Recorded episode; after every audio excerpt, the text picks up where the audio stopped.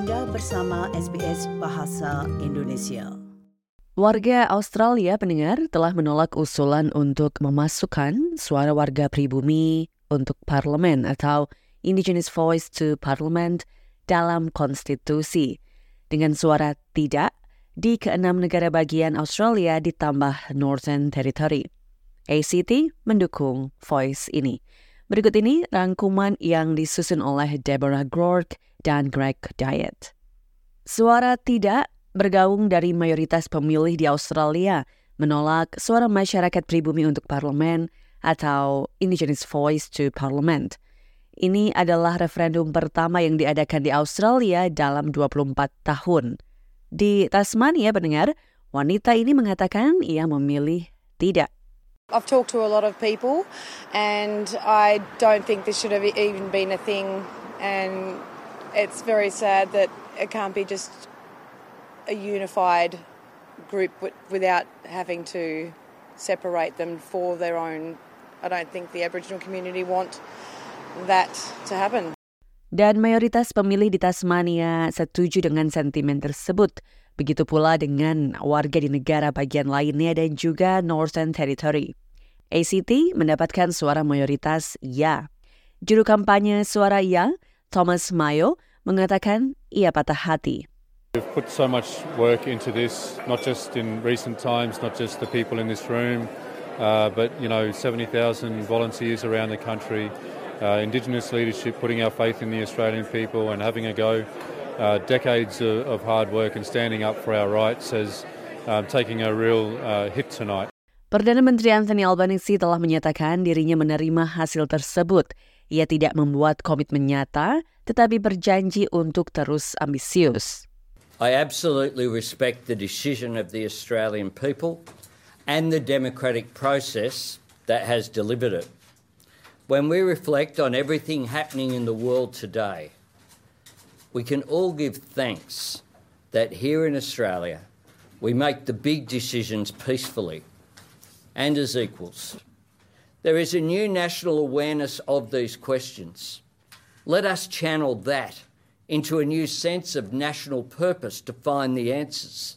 Menteri Masyarakat Pribumi Australia, Linda Burney, emosional saat menyampaikan kata-kata tersebut secara langsung kepada masyarakat adat Australia.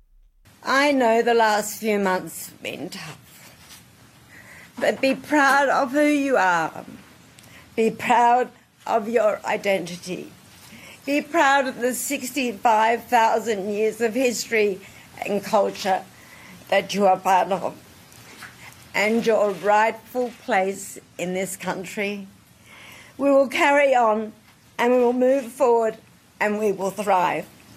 This is not the end of reconciliation. And in the months ahead, I will have more to say about our government's renewed commitment to closing the gap. Sementara itu, pemimpin oposisi Peter Dutton mengatakan hasil suara tidak merupakan hasil yang baik bagi negeri ini.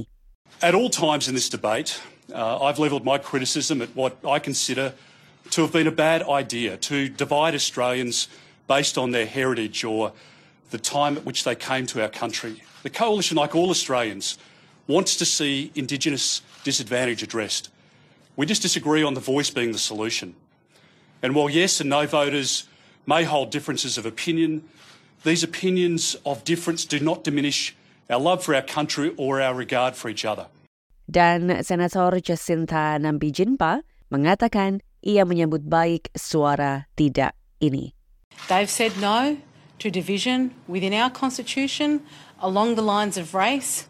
They've said no to the gaslighting, to the bullying, to the manipulation, They've said no to grievance uh, and, and, and the push from activists to suggest that we are a racist country when we are absolutely not a racist country.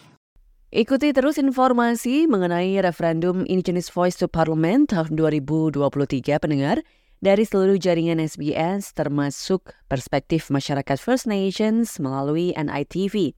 Kunjungi portal SBS Voice Referendum untuk mengakses artikel, video, dan podcast dalam lebih dari 60 bahasa, atau streaming berita dan analisis terkini tayangan dokumenter, dan hiburan secara gratis di Voice Referendum SBS On Demand. Demikian tadi rangkuman terkait hasil referendum Indigenous Voice to Parliament tahun 2023 yang disusun oleh Deborah Gork dan Greg Diet untuk SBS News dan dibawakan oleh Tia Arda untuk SBS Indonesian.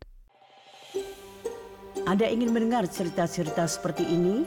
Dengarkan di Apple Podcast, Google Podcast, Spotify, atau di mana pun Anda mendapatkan podcast Anda.